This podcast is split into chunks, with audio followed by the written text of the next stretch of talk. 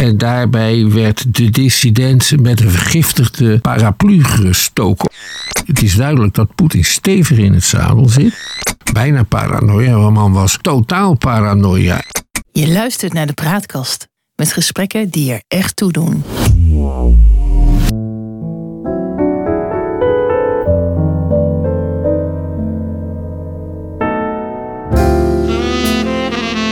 Welkom bij de Praatkast.nl. Dit is een aflevering van het Geheugenpaleis. Mijn naam is John Knierim en samen met historicus Han van der Horst maken we deze podcast. De geschiedenis herhaalt zich nooit, maar rijmen dat doet hij vaak wel. En dat gegeven gebruiken we in het Geheugenpaleis om dieper in te gaan op de actualiteit. En om zo te ontkomen aan de waan van de dag en om tot de kern van het nieuws te komen. Han, uh, we moeten het eens hebben over de, de oppositie in uh, Rusland... Want uh, tijdens Poetins bewind zijn al heel veel Kremlin-critici overleden of veroordeeld tot uh, lange gevangenisstraffen. En aan dat rijtje kan nu toegevoegd worden Alexei Navalny, die vorige week is overleden. Het is echt een enorme hoeveelheid mensen die uh, onder dat bewind al uh, uh, ja, tijdigen met het eeuwige hebben verwisseld. Ja, hoewel het er aan de andere kant geen miljoenen zijn zoals onder Stalin. Nee. Maar als je de geschiedenis van, van Rusland bekijkt, dan is ja. het lot van Navalny niet echt bijzonder. Want op een paar hele korte periodes na bijvoorbeeld de jaren negentig van de vorige eeuw onder uh, Yeltsin. Uh, was het gewoon erg gevaarlijk om serieus in de oppositie te zijn in ja. Rusland. Ja, die Navalny die, uh, ja, is een bekende criticaster eigenlijk. Die uh, is dat nu naar zeggen vergiftigd. Ook een echte Russische methode is dat uh, volgens mij. Maar in 2021 is hij uh, uh, nog teruggekomen uit Duitsland. Hij had daar toen in het ziekenhuis gelegen nadat ze hem hebben geprobeerd te vergiftigen met Novichok. waarom keert hij dan toch terug uit Duitsland naar Rusland toe? Uh, omdat die irrelevant is. Uh, je kunt twee dingen doen met oppositionelen als Russisch dictator. Je kan ze gevangen zetten en of dood laten gaan. Of je kunt ze verbannen. En als ze eenmaal verbannen zijn en in het Westen wonen, in ieder geval in een of ander buitenland, dan verliezen ze aan relevantie. Uh, want dan zijn het verraders die uh, met de vijand heulen en ver weg zijn. En dan zijn ze ook onschadelijk. Uh, het verbannen was iets wat bijvoorbeeld de Sovjet-autoriteiten in de laatste twee, drie decennia van de Sovjet-Unie graag deden. Ja, ja. Nou, voordat we daar naartoe gaan, uh, als ik zo eens even kijk. We hebben in de afgelopen jaren ook uh, iemand gehad als Boris Nemtsov. Die, ja, die is overleden volgens mij ook. Alexander, Alexander Livichenko, die volgens mij in Engeland is overleden. Ja. met, met, met, met ook een of ander gif gebeuren.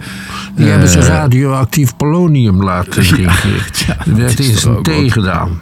Ja, en dan hebben we Sergej Skripal gehad in 2018. Maar een van de meest geruchtmakende politieke moorden was toch wel die op Anna Politkovskaya in oktober 2006. Die in haar appartement werd doodgeschoten. Zij was een journaliste. Ja, ja, die schreef de waarheid. Ja, dat, dat mag helemaal niet. Nee. Dat zijn toch wel heftige, uh, heftige dat gebeurtenissen. Zijn, dat zijn het zeker. En ja. uh, de vraag is dus, uh, wat heeft Poetin hieraan en hoe werkt dat in de praktijk?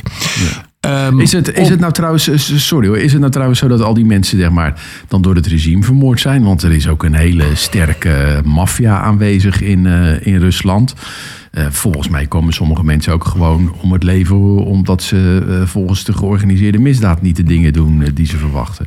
Hoewel ik niet denk dat zulke mensen voorkomen het lijstje wat jij net genoemd hebt. Het is ja. natuurlijk heel moeilijk om vast te stellen hoe het werkt in het Kremlin. Ja. Um, Dirk Sauer, de beroemde Nederlandse journalist die in eh, de vrije jaren van Rusland een medium-imperium heeft eh, opgebouwd in eh, Moskou. Die zegt, ja, dan geeft Poetin een hint. En dat kan ik me ook wel voorstellen. Want dit doet me denken aan een verhaal over de Portugese dictator Salazar. En op een keer hadden ze de verkiezingsuitslagen een beetje slordig vervalst. En een tegenstander van Salazar, Umberto Delgado, had die verkiezingen bijna gewonnen. En toen zei Salazar die Delgado is nou toch wel heel ver gegaan. Ik geloof niet dat ik hem nog langer de hand boven het hoofd kan houden. Ja, ja. En na een paar weken was hij dood. En wat je als dictator altijd moet doen, is hints geven. En dan voer je dienaar het wel uit. Hè. Hitler was ook zo. Die zei van nou, dan moeten we langzamerhand toch eens serieus gaan optreden. En dan deden zijn uh, ondergeschikten dat. Ja, binnen de maffia wordt dat volgens mij ook zo gedaan. Een beetje zo onvloerst eh, wordt dan een, eh, een beschuldiging geuit of een dreigement geuit. Ja. het, moet nooit, het moet nooit bij jou direct terecht kunnen komen. Ja, Bewijs moet er niet liggen. Ja. Hey, ik kwam ook een hele uh, geruchtmakende zaak tegen uit 1978. Eh, dat wordt de paraplumoord uh, genoemd. Ja, dat spreekt toch ook wel tot de verbeelding. Een van de beroemdste moorden van de Sovjet-Unie. En daarbij werd de dissident met een vergiftigde paraplu gestoken. Of liever gezegd, van, een paraplu met daarop een vergiftigde punt. Ja. er is ook nog wel eens geprobeerd een aanslag te plegen op eh, Johannes Paulus II, de paus, die zo anticommunistisch was en de Poolse Communistische Partij zo in de hoek wist te dringen. En, en, en, oh, en, en diegene die daarvoor in de gevangenis terecht is gekomen, die had, dat, had links dan uiteindelijk met het uh, communistische regime? Was een Bulgaar. Oké. Okay. Tja, spectaculaire verhalen allemaal. Dat doet een beetje denken aan, uh, aan alle uh, spionageromans uh, die, we, die we kennen. Ja, dus, dus een, een lange geschiedenis in, in Rusland wat dat betreft. zeker ook onder, onder Poetin. Um, en, en het laatste slachtoffer is dan Navalny. Maar was dat nou zo'n. Want hij wordt nu een soort ja, de hemel ingeschreven door iedereen. Maar ik had toch altijd de indruk dat het toch ook een tamelijk extremistische man was. Nou, het was in ieder geval een anticorruptiepoliticus met verhalen tegen de corruptie van Poetin en de zijnen, met bijbehorende bewijzen. Met zulke verhalen heeft hij zich een grote aanhang weten te verwerven. Eh, wat hij had gedaan als hij zelf eenmaal in het Kremlin had gezeten, dat weten wij niet. Nou, dat weet ik wel. Want volgens mij zijn ze allemaal hetzelfde. Nou, laten we eens gaan naar uh, de, de, Sovjet, uh, de Sovjet-Unie. Uh, de tijd dat de communistische partij daar aan, aan de macht was. Want toen hadden we toch ook wel behoorlijk wat dissidenten en opposanten. Kan je daar wat over vertellen? Uh, ja, laten we het maar eens hebben over de jaren 70 en 80. Dus ja. uh, de jaren van Brezhnev en zijn opvolgers. En een beetje over Gorbachev, die uh, eigenlijk een eind maakte aan de vervolging om dissidente denkbeelden. Ja. Um, in zijn laatste decennia was de Sovjet-Unie een een totalitaire dictatuur geleid door een groepje oude mannen. En uh, die oude mannen waren totale risicomijders. En dat betekende dat zij opvattingen en meningen en teksten die uh, de orde zouden kunnen verstoren, dat ze die uh, probeerden zoveel mogelijk uh, te voorkomen. Dat kun je doen door cijfers die over de scheef gaan monddood te maken. Ja. Zo iemand als Solzhenitsyn bijvoorbeeld. Alexander een heel bekende ja en grote schrijver, die, eh, die kreeg op een gegeven moment moeilijkheden omdat men in zijn literatuur te veel kritiek op het systeem vond. Toen werd hij monddood gemaakt. Daarop ging hij via vrienden in het Westen daar zijn manuscripten laten publiceren. Solzhenitsyn uh, die uh, is het beroemd geworden om zijn zeer uitvoerige boek De Gulag archipel. Uh, dan word je in, weet je, in de tijd van Brezhnev verbannen naar een of ander provinciestad. En je kon, pro, je kon een proces krijgen. Je werd, er werd karaktermoord op je gepleegd in de pers. En uiteindelijk heeft men Solzhenitsyn maar verbannen. omdat hij de Nobelprijs had gekregen voor de literatuur. Dat is trouwens ook gebeurd met iemand die Boris Pasternak heette, de schrijver van het boek Dr. Sivago. En dat boek ja. Dr. Sivago kon niet gepubliceerd worden omdat het niet socialistisch realistisch genoeg was. Socialistisch realisme, dat was een bepaalde uh, literaire stroming waarin het erom ging de macht van het volk te laten zien. Ja. En niet de eigenheid van het individu. En dat is de kern van dat boek, Dr. Sivago, wat iedereen weet, die de beroemde film heeft gezien, die naar aanleiding daarvan uh, is gemaakt. Ja. Die. Uh, Boris Pasternak is ook uh, monddood gemaakt, maar had een dacia, een uh, buitenhuis in een speciaal schrijversdorp dat de Sovjet-Unie uh, onderhield. En daar is hij overleden en min of meer onder huisarrest geplaatst uh, in de laatste jaren van zijn leven. Ja. dus, dus wat. Maar is hij dan een natuurlijke dood gestorven? Of, dat ja, had, hij had kanker. Oh, ja. wat, wat ze in de Sovjet-Unie ook graag deden met dissidenten, was die in een psychiatrische inrichting stoppen. Want iedereen die tegen het communisme is, is gek. Wat een methodes, joh. Hey, die, dus die, die Zakharov, ik herinner me toen ik een klein jongetje was... dat ja. hij heel vaak op tv was, op het journaal. Ja. Dat was echt wereldnieuws in die tijd. Dat was een, een heel beroemde atoomgeleerde. De, Min of meer vergelijkbaar met, uh, met Oppenheimer. En die werd op een gegeven moment een tegenstander van, uh, van nucleaire wapens... en uh, een voorstander van democratie. Gorbachev heeft er later voor gezorgd dat hij lid werd van de opperste Sovjet... Het parlement van de Sovjet-Unie. Maar voor die tijd werd hij eh, ja, ook in de provincie vastgezet in een stad die hij niet mocht verlaten. En dat was het de bedoeling dat hij de media niet te woord stond. En dat lukte natuurlijk vrij redelijk in de tijd toen er nog geen internet was. En ja, alleen dat, maar dat, telefoon via draden.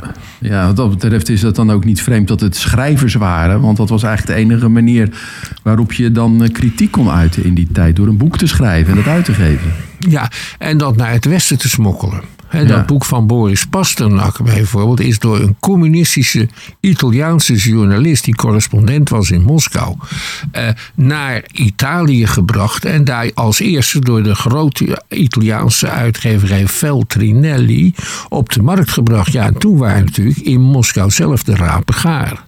Ja.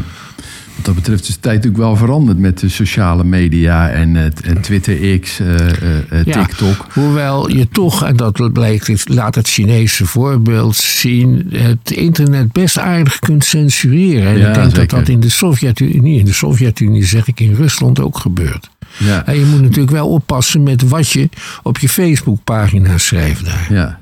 Maar de, die Navalny die had bijvoorbeeld een, een film laten maken over een van de zo vermeende paleizen van, uh, van, ja. uh, van, van Poetin. Dat is dan eigenlijk de methode die dan nu gebruikt wordt. En vroeger werden de boeken geschreven.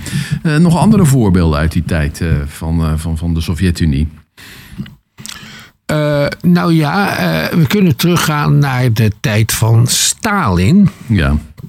En dat die, is die, die, dat was de man, dat was de leider van de Sovjet-Unie.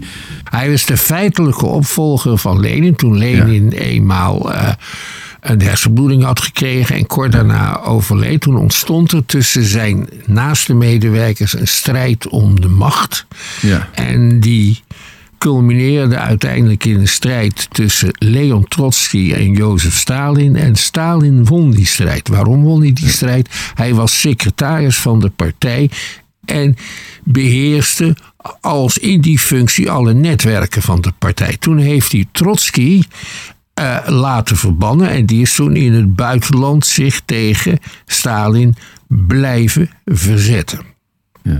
Dus die Stalin die, die is dan eigenlijk op een eh, slinkse wijze aan de macht gekomen. Maar tegelijkertijd was hij ook heel erg bang dat hij die macht zou verliezen. Want die werd een bijna ja. paranoia, toch? Bijna paranoia. De man was totaal paranoia. En uh, in 1936 is hij begonnen met een grote zuivering van de partij. En wie werden het slachtoffer voornamelijk? Dat waren zijn oude medestrijders die een belangrijke rol hadden gespeeld in de Russische revolutie. Uh, die werden gearresteerd, die werden van uh, verraad beschuldigd en van heulen met, uh, met Trotsky en van het ondermijnen van de partij. En dan werden er enorme showprocessen georganiseerd, waarbij deze mensen, het begon uh, met uh, Zinoviev en Kamenev, dat waren echt twee rechterhanden van Lenin, die voor de rechter verschenen en daar alles bekenden. Zo dan. Alles. Waarom deden ze dat? Uh, ze waren met psychoterreur rijp gemaakt, met veel te weinig eten rijp gemaakt, veel te weinig eten geven aan gevangenen. Dat is ook een Russische uh, uh, penitentiaire tactiek. Uh, er was bovendien beloofd dat het in het belang van de partij. Nee, er was verteld dat het in het belang van de partij was dat ze zouden bekennen. En Stalin zelf had nog met ze gepraat en gezegd: als jullie dat nou doen, dan worden jullie veroordeeld en dan komt het later wel goed. Nou, toen werden ze ter dood veroordeeld en meteen uh, geëxecuteerd. Jongen, jongen, en toen zijn er hele reeksen van die processen gekomen waarbij de beklaagde de krankzinnigste dingen werkelijk bekende. Ja. En uh, Waarna onmiddellijk de doodvonnissen volgden. En toen, daarna kwam er een enorme vervolging op gang van de aanhangers van deze kopstukken. En als jij als tot aanhanger van zo'n kopstuk was uitgeroepen, dan ging je gewoon naar Siberië. Zo is de Gulag archipel tot zo'n enorme omvang gegroeid. Hè? Je kreeg zonder meer tien jaar, er er niks aan de hand. En je weet, oh, de Sovjet-Unie was een planmaatschappij waarbij je volgens plan moest werken. Dus de geheime dienst in een bepaald district, die kregen dan gewoon op. Je moet er 3000 leveren. En veroordeling. Er zijn toch miljoenen mensen uh, toen uh, tijdens dat schrikgebied ja, van Stalin omgekomen? Ja, massaal, tot en met de leiders van de vervolging zelf. He, bijvoorbeeld oh. Jagoda, dat was de man die eh, de, zeg maar, de bekentenissen en de beklaagde aanleverde voor de eerste proces. Die is op een gegeven moment zelf als verrader vastgezet door zijn opvolger Jesjov. Tja. En hij werd ter dood veroordeeld en daarna uitgekleed en volkomen in elkaar getremd en toen pas doodgeschoten. Wat een lekkere methode. En toen Jezjov op dezelfde manier ten val gebracht werd, toen is hij door zijn opvolger Lavrenti Beria ook uitgekleed, in elkaar getrapt en daarna pas doodgeschoten. Dat is Lavrenti Beria zelf niet overkomen. Dat was. Uh, de geheime dienstchef en de grote vervolger van, eh, van Stalin tot diens dood. Ja. Daarna, na de dood van Stalin, heeft hij, eh, kwam er een driemanschap tijdelijk aan de macht, waarbij die Beria ook behoorde. En die werd toen ineens van de ene dag op de andere dag de grote liberaliseerder. Ja. En toen hebben zijn de andere leden van het driemanschap hem vrij onverhoeds afgezet. En ter dood veroordeeld. Toen is die man zo ontzettend vreselijk gaan jammeren en huilen en schreeuwen. dat ze maar een prop in zijn mond hebben gedaan. En toen overleed hij ook? Nee, ze hebben hem gewoon doodgeschoten. Maar wel uh, zonder dat ze gejammer nog hoorbaar was.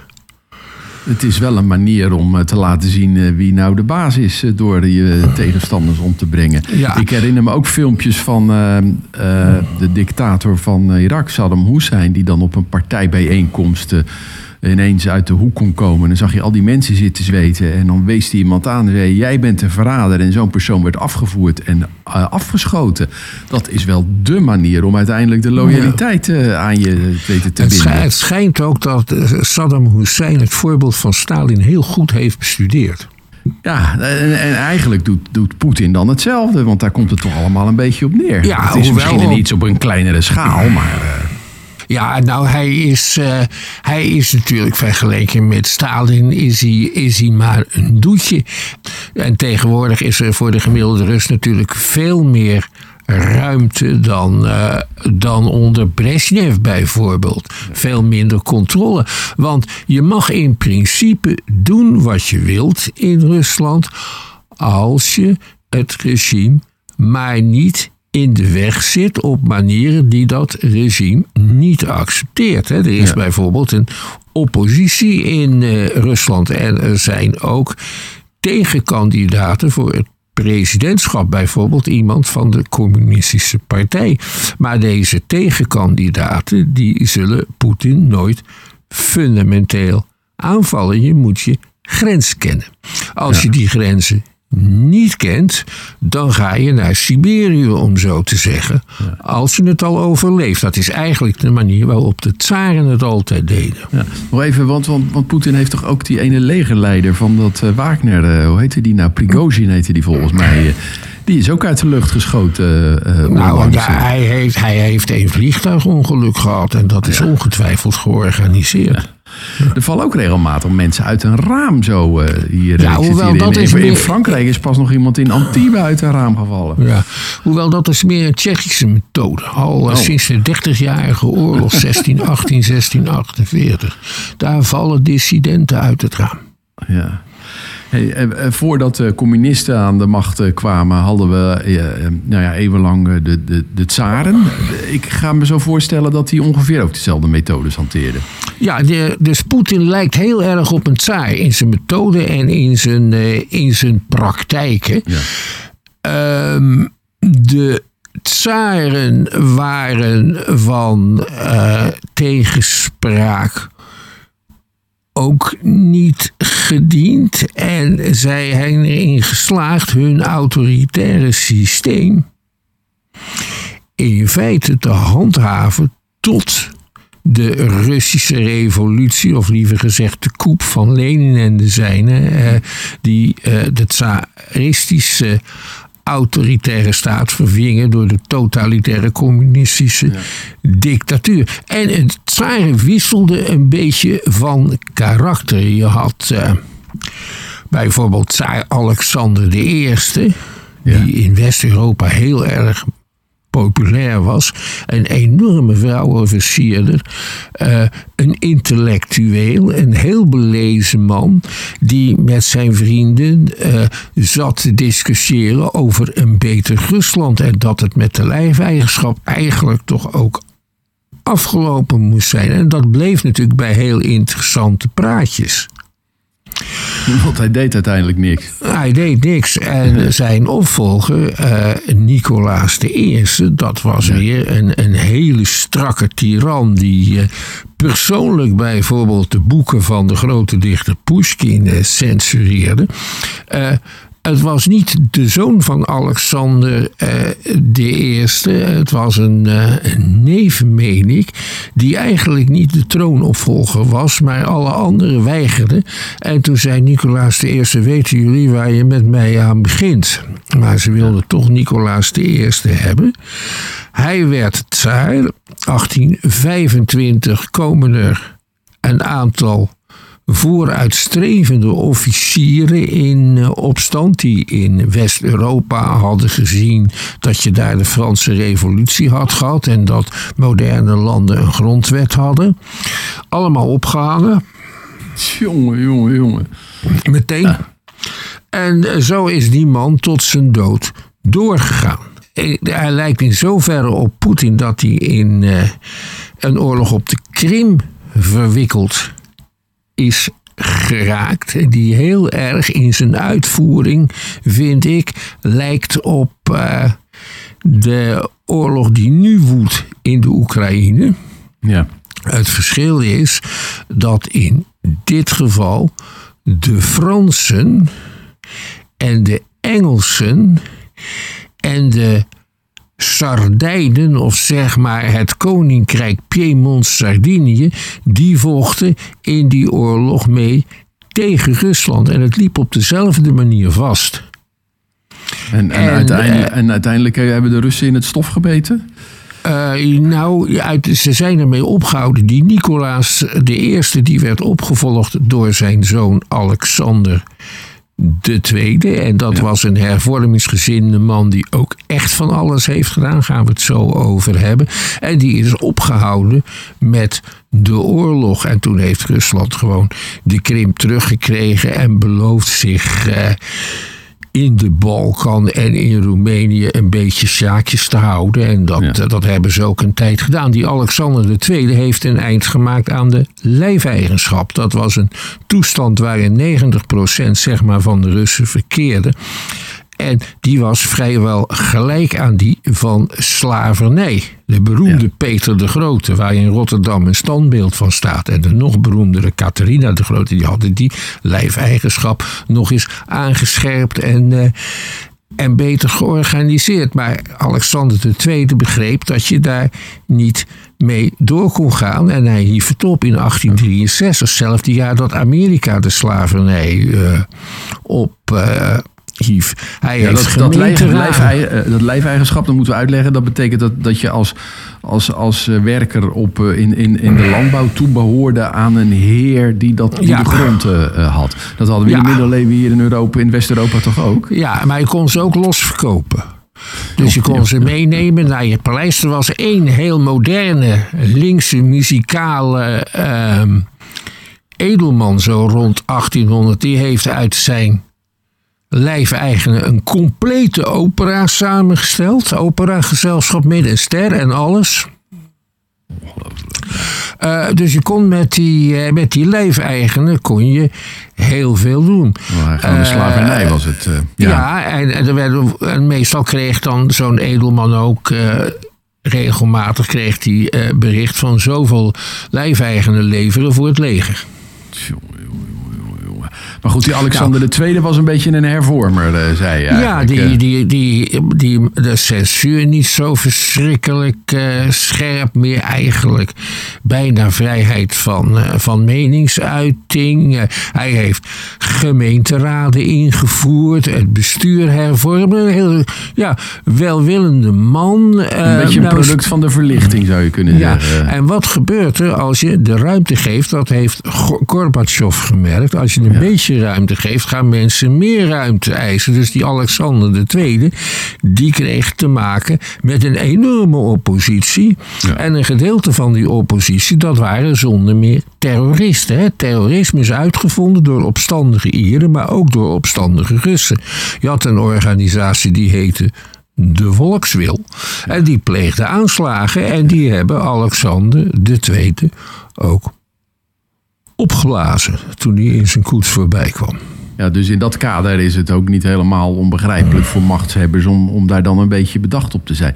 Als toen je, werd hij- als de- ja, en, en wat er toen gebeurde, toen werd hij opgevolgd door zijn zoon Alexander III. En dat was een enorme dikke reus die niettemin een fobie had voor paarden, wat heel erg is voor een tsaar. En die heeft gewoon in de eerste dagen van zijn bewind alle hervormingen van Alexander II ingetrokken, want hij had leergeld betaald. Antisemitische tiran. Ik zag een, eh, een, een, een, een interview, dat wil zeggen een, een westerse journalist, eh, en, eh, die eh, Poetin ondervroeg, dat is alweer een tijdje geleden. En, eh, over de oppositie. En, en Poetin beantwoordde dat dan door bijvoorbeeld te zeggen: Ja, kijk nou eens in Amerika naar de bestorming van het eh Capitool. En eh, hoe dat eigenlijk eh, de instituties bijna onderuit trok. Nou, dat willen wij hier niet. En dat gaf hij dan als reden ervoor dat, dat, dat mensen opgesloten moeten, moeten worden. Ja, Ja, dat, is ook dat geen, het is geen, geen domme jongen natuurlijk, hè, die Nee. Poetin. Want je krijgt nu al vanuit Rusland te horen. En Assad dan? Assad, hoe heet- nee, nee. Je krijgt nu al uit Rusland te horen. En Julian Assange dan? Die wordt Ja, toch ook precies. opgesloten? Ja, precies. Dat wordt altijd op die manier wordt een soort vergelijking gemaakt. En daar kan je eigenlijk Ja. niks tegen inbrengen, want dat is natuurlijk zo. Eh, dat, dat doet hij wel op een goede manier. Nou ja, we, we kunnen ook wel vaststellen dat in, in landen als Noord-Korea, maar ook in China eh, en, en, en in, in, in landen in het Midden-Oosten, daar hanteren ze eigenlijk allemaal dezelfde methodes om van de tegenstanders af te komen. Ja, dat wordt tegenwoordig weer steeds gebruikelijker. En dat is ook best gevaarlijk. Want het is duidelijk dat Poetin stevig in het zadel zit. Ja. Eh, dat het helemaal niet zo slecht met hem gaat. Hij eh, heeft laten zien aan de Russen waar hun grenzen liggen. En ze gaan op de, in maart netjes op hem stemmen. Ja. En dan wordt hij weer voor zoveel jaar president. Ja, en hij is eh, behoorlijk aan de winnende hand in de Oekraïne. Want ja, die krijgen Ja. geen wapens meer. Dus dat zal wel in een paar maanden overlopen gaan worden als we niet oppassen dan. Eh, Nou is inderdaad zo dat, eh, want als er te weinig eh, granaten zijn, dan gaat het helemaal fout en dan kan het ook heel snel fout gaan. Het enige, onze enige hoop, denk ik wel, is dat is een virus of een resistente bacterie of dat er ergens op een akelig plekje bij eh, Poetin een genetisch foutje ontstaat, dat hij ineens nog maar drie maanden heeft. Maar ja, we En dan niet weet je nog eh, niet wie hem opvolgt. Nee, precies. Want dat blijkt ook wel uit dat, dat de communistische regime... na de dood van eh, Lenin eh, werd het eigenlijk alleen maar erger. dus, nou ja...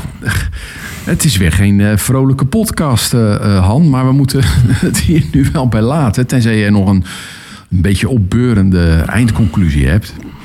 Nou ja, eigenlijk niet. Ik heb eigenlijk helemaal geen opbeurende eindconclusie vanavond. eh krijg ik stampot rode kool, daar zie ik nu al naar uit. Maar voor de rest heb ik geen hoopvolle dingen in het verschiet liggen. Nou ja, we mogen denk ik wel blij zijn dat wij uiteindelijk in een democratie eh, leven... waar dit soort methodes niet eh, gehanteerd worden. Waar we, Al- althans nog niet. nou, ik denk ik probeer er nog iets in te gooien wat een beetje positief is. Maar dat weet je dan ook weer lekker de nek om te draaien. Laten we er maar mee stoppen, deze afleveringen van het Geheugenpaleis. We maken dit in samenwerking met de Praatkast. En de uitzendingen zijn te vinden op www.praatkast.nl. Abonneer je op onze podcast in de podcast-app die je vaak gebruikt. Dan krijg je automatisch een bericht wanneer een nieuwe aflevering online komt. Mis je ons nooit meer. En mailen mag naar info.praatkast.nl. Voor nu, bedankt voor het luisteren en eh, tot de volgende keer. Wees gelukkig, blijf gezond.